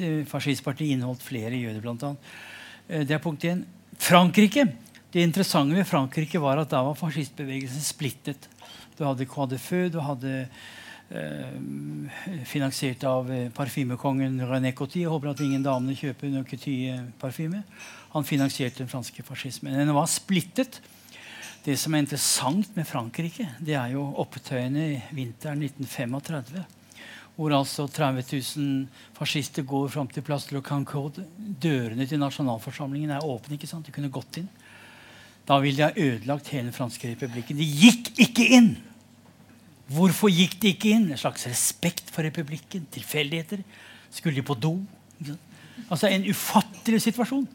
En, en republikansk krise i 35 egentlig over. Og året etter kom Elian Blom. Dypt begavede jødiske statsministeren Elian Blom. Så fransk fascisme Og det er en viktig forskjell. Helge må minne meg om det stadig vekk. Frankrike var jo seirende makt i 1918. Det var ikke en såret nasjonalfølelse. Livsfarligste du kan ha å gjøre med, det er en såret nasjonalfølelse i kombinasjon med antiklerikalisme. Frankrike var ikke såret nasjonalfølelse. Det var Tyskland. I, I, Spania hadde du en nasjonalisme, ekstrem nasjonalisme i kombinasjon med antiklerikalisme. Du fikk en ufattelig vold fra, fra venstre. Kirkehat og, klassehat håpløst. Et lite tilleggsspørsmål. Ja. Det du sa i forhold til uh, klerikalisme, uh, ja. var det nettopp det som skjedde i Kroatia i uh, mellomkrigstida? Altså da de fikk blandingen av eh, massiv nasjonalisme og Pavlic. Ja. Pavlic var en av de verste. Han samlet på utskutte øyne som han hadde i en, en blokk ved siden av seg. Og han ble helhjertet støttet av den katolske kirke. Jeg føyer på en liten bemerkning eh, apropos det du sa om at uh, franskmennene hadde seieren og ikke trengte noen Hitler. Det er viktig. Uh, uh, de hadde jo også løst, som du har skrevet en bok om, Dreyfus-striden før, først, før første verdenskrig. slik at på en måte fascistiske tendenser var prøvet ut og hadde Tapt. mislyktes. Ja. Um, men det er først og fremst det der at krigen var uh, ikke falt på, på franskmennenes skuldre i den forstand. Um, en veldig interessant ting som jeg synes passer her når vi først skriver og beskriver hvordan snarere enn bare hvorfor. Um, det er Bertrand de Chauvenel, en fransk intellektuell, veldig imponerende mann på mange måter. Men han ble fascist en stund i 30-åra. Ja. Og en av grunnene til at han ble fascist, var at han intervjuet Adolf Hitler. En annen grunn var at han eh, ble invitert til eh, Nürnberg, til partikongressen i 1936. Og han kommer da tilbake til Paris og sier Nå skal jeg fortelle dere hva dette er for noe. Dette er ikke noe annet enn en religion. Dette er en religion. Ja. De eh, tror 100% Og Hitler tror også. Altså, nå var jo Hitler i en viss forstand kanskje ateist, iallfall i sine nattesamtaler. Ja. Men han trodde faktisk på en eller annen slags forsyne, på en eller annen slags Gud. Han ville ikke gå ut av den katolske kirke, fordi det var kanskje litt uhøflig overfor den katolske kirke.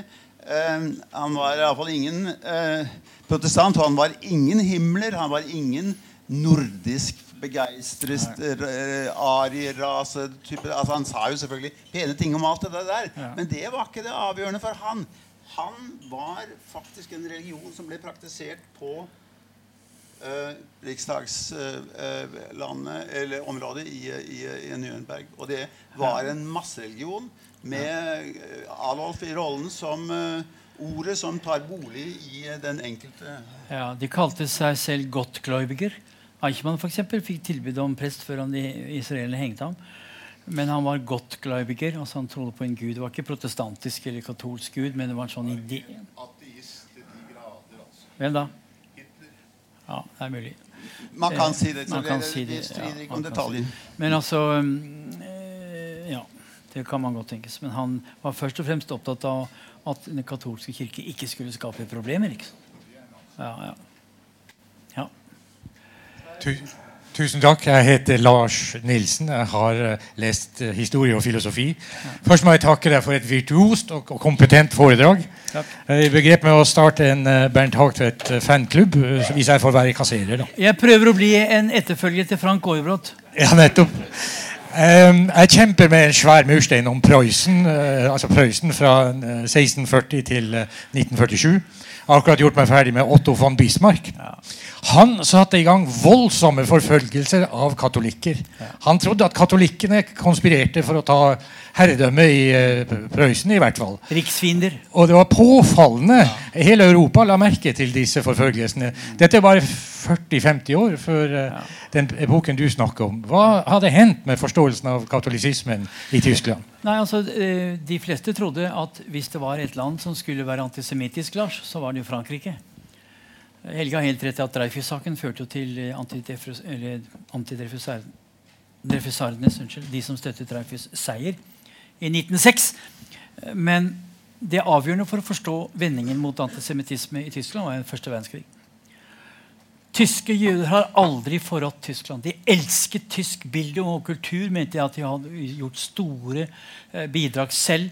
Og de, de deserterte ikke. De var med og kjempet under hele første verdenskrig. Ikke desto mindre så oppsto det et krav om å forklare nederlaget. Og det er der det ligger. Men naturligvis er det jødene. selvfølgelig, De er overalt. Ja, altså radikale, sekulære og alt sånt. Og det som skjedde var at Den tyske krigsministeren ble tvunget til å telle jøder i den tyske hær midt under første verdenskrig. Fant ingenting galt. Men det er der kimen ligger. Nederlaget. Behov for å forklare nederlaget. Også at jøder og det er en lang debatt, jøder var jo bærere av modernitet. Jødene har vært forfulgt gjennom hele historien, ikke minst av den kristne kirke. Hele tiden. Katolske kirke oppførte seg ufyselig overfor jødene. Og det vet jo jødene godt. Men det avgjørende her er at de blir jo fratatt muligheten til å øve forskjellige yrker. Så jødene måtte lage yrker som de kunne bære med i huet. ikke sant? Uansett hvor de kom. Derfor oppstod også deres store forskjell, nemlig samarbeid over landegrensene i finanstransaksjoner. Og det gjorde også at de, hvert, hver statsapparat som søkte finansiering, på et eller annet tidspunkt kom i konflikt med jødene. Derav altså skandalene i Frankrike i 1880-årene. Stavinskij, Panama-skandalen. Og jødene var utsatt, veldig utsatt for dette i de ulike land. Og i, i, i, Tyskland så var jødene synlige. De var intellektuelle, de var professorer, de var forfattere, de var musikere, de var kunstnere. Avisfolk. De var altså bærere av modernitet. Bærere av eh, yrker som var knyttet til de moderne samfunn. Og det var derfor det var Heimatlosen Gesellen. De, var, de kunne ikke stole på dem, for de hadde jo ikke noe eh, hjemland. Og den tyske antisemittismen det er avgjørende viktig forskjell her. at den franske Det er tre former for antisemittisme. Det er arbeiderklasseantisemittisme, jøder som kapitalister. Religiøse antisemittismen, de som drepte Jesus kan man si at det var ikke det hele poenget med en kristen religion at noen skulle drepe Jesus. Jødene gjorde det, og det var jo greit. Hvis de ikke hadde gjort det, så ville jo ikke ja, det hele tatt, altså, Religion er en sak for Helserådet. Og så tredje den antikapitalistiske, sosiale, den religiøse og den sosiale. Fordommene mot folk med nese og sånn. Så har du den fjerde, rasebiologien. Det er jo det Hitler gjør.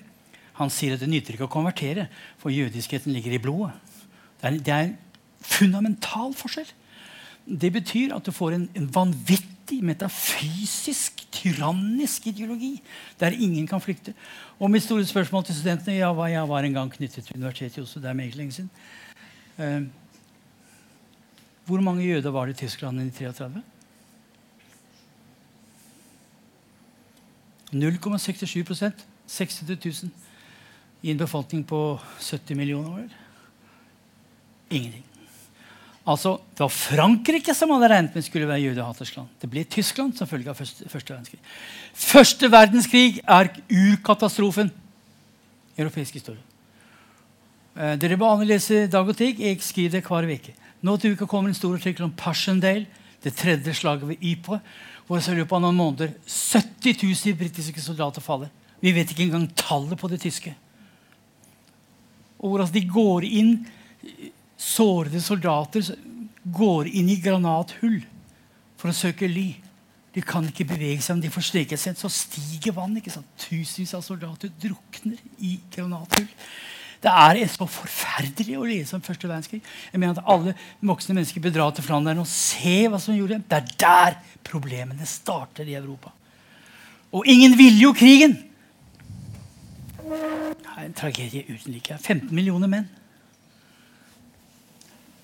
Ja, altså øh, Takk skal du ha. Um, og øh, det, jeg merker jo her, det er veldig interessant å se liksom, altså, Man inviterer til en diskusjon om, om de siste dagene før Hitlers og de siste årene før Hitlers makt over overgivelse til Hitler. Uh, og man tenkte kanskje å diskutere situasjonen i Europa akkurat nå, men altså uh, jeg, jeg kommer tilbake og holder den forelesningen. Nei, nei, Folk vet jo mye om, eh, om, disse månedene og årene her i forsamlingen. Ja. og eh, Derfor så syns jeg det er bare greit om vi fortsetter videre. Men jeg bare nevner at det er mulig også å ta opp andre temaer som eh, har med aktualitet og, og så videre å gjøre. Jeg kan si AFD. Se på AFD. 12,6 av stemmene, 94 representanter. Alternativ for Deutschland. Sant? Det er det gamle NDP, som aldri fikk mer enn 4-5% i enkelte delstater i Tyskland. Det var gamle nazister. Eller barn av nazister. I AFD har du en splittelse mellom de som først og fremst er motstandere av Merkel på innvandringspolitikk, men så har det også en kjerne av gammelnazister. Det er deres gammelnazisme som da forskjønnes eller omsluttes av innvandringsmotstanden. Vi fikk det allerede første dagen hvor Alexander Gauland snakket om hvor høviske og vennlige tyske Wehrmacht-soldater var. Han hadde ikke lest mye om østfronten, hvor Wehrmacht var aktivt med. Gauland. Og så kom Frauke Petra, og hun brøt ut. Vi kan håpe på en massiv splittelse i AFD i måneden som kommer, på dette skillet her. Ja, Det er jeg nå skeptisk til. Jeg tror uh, at Gauland og den uh, ledelsen som nå har tatt makten i partiet, har gjort det så veldig grundig uh, og med kontrollmekanismer og greier at det virker som om Frake Petri, som jo Eh, var den andre skaper av partiet, at hun har rett og slett bestemt seg for å velge, vende seg til andre velgerklienteller. Det er veldig interessant. Hun prøver faktisk nå å nærme seg CSO i Bayern. Ja. Uh, og Eh, da er jo grunntanken den som Frans Josef Strauss en gang satte opp, om at. Det kristne demokratipartiet i Bayern det skal eh, Ikke ha til ha noe høyreparti som er udemokratisk til høyre for seg. Nei. De skal dekke hele det feltet. Ja. Eh, nå har de plutselig fått AFD til høyre for seg. Ja. Slik at nå eh, er alle de som sitter i Bayern, veldig frista til å Ja. gå langt ut til høyre Ja. for å komme disse i møte. Mm. Mens da Frake Petri nå melder seg ut. Og forsøker å lage en annen tone. Uh, hun er også veldig god med makeupen for øyeblikket. Uh, og så videre. Um, Ja. ja, det er en vanskelig situasjon. Men altså, Politisk den der- rom til høyre. den gjengen som har tatt over partiet, de er full av eh, Det er ikke akkurat sikkert at det er eh, så ekstremt sånn gammel NPD, eh, nasjonalsosialisme, men det er den slags tradisjoner. Og fremfor alt så er det, er det eh, veldig sterke, karismatiske folk. Sånn som Bjørn Høck, og sånn, som gjerne bryter ut i sang når han holder foredrag. Ja. Ja. Altså Det er jo noe nytt i etterkrigstysk historie. Eh, Dette nøkterne eh, landet. Nå da. ledere som synger. Det, var jo, det er bare SPD som kan tenke er seg å synge noe. Ytterst farefullt. Anyway, um, det var det. Men det var ikke min mening å si at vi skal diskutere disse tingene her. Og det kunne jo vært mange andre ting og, sånn, Men det spørsmål om sosialdemokratiet var jo også viktig. eh, eh, om det ikke er for svakt nå. Men ja. Ordet er ennå fritt. Der har vi en type eh, der foran. Tal ut. Tal hva som ligger på i din innerste sjel. Ja. Eh, Jeg har et spørsmål, eh, jeg har et spørsmål i for... Skal snakke høyere? Ja. ja. Jeg har et spørsmål i forhold litt, Bitte litt kontroversielt, men et spørsmål i forhold til øh, Hitlers og eh, nazilederes tilnærming til muslimske religiøse ledere i løpet av 30-tallet og 40-tallet. Ja. I eh, diverse kommentarfelt, norske kommentarfelt av det man kan kalle koko-høyre, så sammenlignes islam og nazismen. Og jeg lurer på, er Den tilnærmingen der er den kun pragmatisk, eller er det en viss grad av eh, ideologi der? Stormuftien av Jerusalem bodde i Berlin under hele krigen. Han hatet jødene. Og eh, Hitler var naturligvis opptatt av å få muslimene med i kampanjen mot jødene. Men det var utelukkende en pragmatisk allianse. Det har ikke noe med ideologi å gjøre. Når det gjelder sammenligning mellom islamisme, da, ikke islam, islamisme og nazisme, det er et par punkter der. Islamismen har jo ikke noe politisk program og framtidsprogram annet enn at alle skal tro. De skal lage et kalifat som først og fremst er et religiøst te teokrati. De har ingen idé om hvilken økonomisk og politisk eh, planlegging de skal, de skal gå inn for. Hva med kvinnesynet? Hva med industri? Hva med altså hele den store, moderne verden? De vil lukke seg inn i den moderne verden. Nazismen hadde en klar visjon. Folkefellesskapet skulle være et enhetlig, arisk, rent fellesskap der arbeiderklassen var integrert, eventuelt eliminert, og jødene var borte. En helt annen fremtidsvisjon som var knyttet dels til modernitet, men også en veldig viktig forutsetning. Det er to et annet viktig kjennetegn ved de to ideologiene. De idylliserer fortiden. Man snakker om at nazismen er en antimoderne utopi. Altså eh, går tilbake til de rinnende blå eh, elvene, rødkinnede kvinner som føder barn ved kjøkkenbenken, og hvor det er ikke noe problemer med forurensning, og hvor uh, skitten og alt er borte. Det er det middelalderlige, førindustrielle Tyskland som da idylliseres. Det er en utopi, for det har aldri eksistert, men det prosjesseres fram som en framtidsvisjon. Det er det rene, samlede enhet. Og det er denne lengselen etter enhet det kunne Helge snakket dagevis om. Følges i, liberalismen. Lengselen etter enhet du finner i Weimar-kulturen. Den perverteres av nazien og av nazismen og føres fram som en visjon der alle er ens. Og hvor likheten, folkens, likheten ligger i en felles underordning under føreren. Lidelse eh, blir offer. Altså, eh, husk at nazismen var ingen appell til brutalitet. Nazismen var en appell til oppofrelse, patriotisme, renhet osv. Og, så og det var nemlig perversjonen av dette. Perversjon av disse dydene som førte til nazismen. Noen få ord om kalifatet nå. Ja, kalifat, så vidt jeg skjønner, så er kalifatet først og fremst en, en totalitær statsform der kaliffen leder an. Det fins ja, ikke antydning den... til, til, valg eller noe sånt. Og ikke minst, det aller viktigste, Helge, det er at islamismen har jo ingen idé om det som er forutsetning for moderne vitenskap. Rasjonalitet og arbeidsdeling. Altså ISIS bruker det siste i tekniske ting, men de har ingen idé om det samfunn som er nødvendig for å få til de tekniske tingene. Altså Hitler brukte gjerne radio fjernsyn og kom dundrende i, i flyvemaskiner og brukte V1 og V2. Han, ingen, han, brukte gjerne teknologien, moderne teknologi, men han ville ikke ha det samfunnet som var en forutsetning for dette. Det skjønte han jo aldri. Det, det er det store paradoks. Dette er jævlig hyggelig, Helge. Skal vi fortsette fram til midnatt? hva? Jeg tar et uh, lite siste innlegg her, da, og så ja. kan du få lov å avslutte. hvis ikke det er andre. Jeg har lyst til å si følgende. I 1928 uh, gjorde Hitler et veldig sterkt valg, uh, og i 1930 gikk, gikk monsieur Müller av som sosialdemokratisk kansler. og deretter styrte president Hindenburg med dekreter over parlamentet, også fordi parlamentet var deadlocked mellom kommunister og nazister fra det tidspunktet. Egentlig var det ikke mulig å operere et parlament. Det fantes så mange muligheter.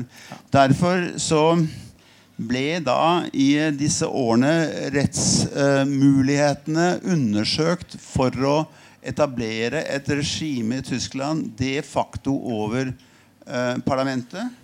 Og eh, han som utredet det, var eh, Carl Schmidt. Eh, han som ga ham oppdraget, var eh, Kurt von Schleicher, ja. som igjen jobbet hos Hindenburg.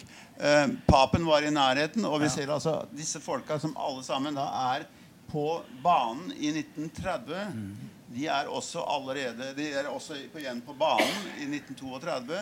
Eh, to av dem som, for, som, som bondeskanslere eller rikskansler, mener jeg, og eh, altså Schleicher og von Papen, og en mm. av dem som en av de viktigste konspiratoriske, Carl Schmidt. Og, altså, det er eh, et lite antall, som du mm. sa. Uh, og de gjør for så vidt imponerende juridisk arbeid. Men det interessante med Carl Schmidts idé bare for å ha nevnt den, det er rett og slett det at han sier La oss sette strek over den organisatoriske delen av den tyske forfatningen. Altså parlamentarisme og alle de der tingene der. Og rettighetene?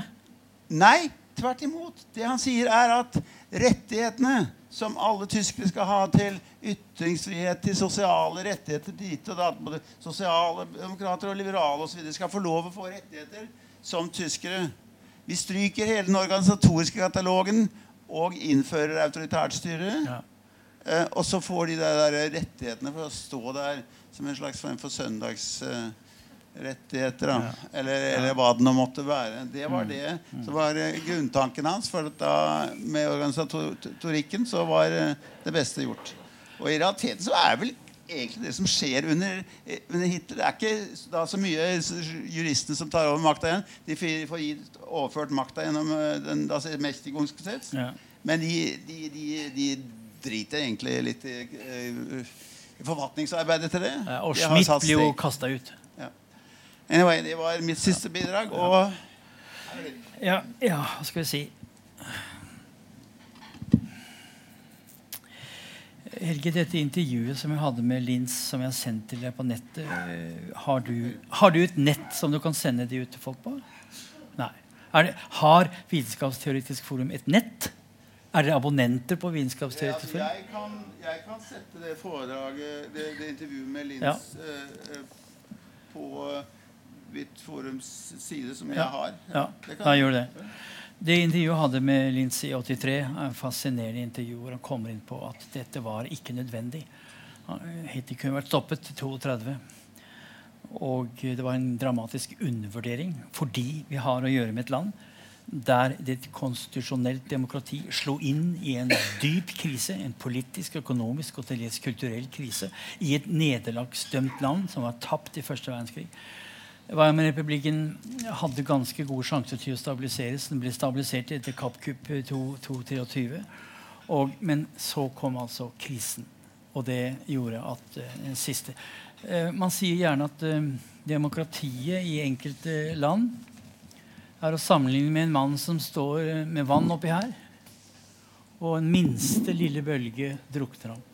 Slik er det også med Weimar-republikken. Den, den, bølgen som kom, det var krisen i 29. Men med et sterkere lederskap så kunne kanskje kristne vært avviklet. Det er den mest dramatiske politiske feilvurdering i det 20. århundre. Takk for meg.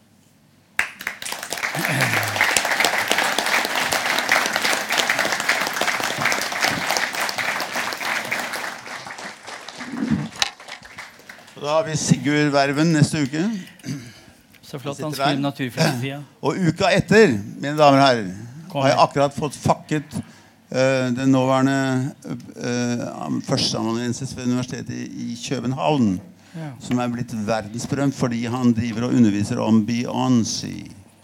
Uh, og uh, han tok doktorgraden her på NTNU om Moses og Aron, en opera av Arnold Schönberg. Så han er gått fra Schönberg til Beyoncé og afrofuturism om 14 dager. Hvordan kan dere unnvære Helge? da? Han har jo en åndskraft i seg selv. Nei, men nei, nei. Det, det er Erik nå. Men møt opp på Helges vitenskapsteoretiske ja, forum. Møt opp på Sigurd. Skal det være anti på antikvariatet eller her? Ikke snakk så skummelt, da. Eh, det skal selvfølgelig være på antikvariatet.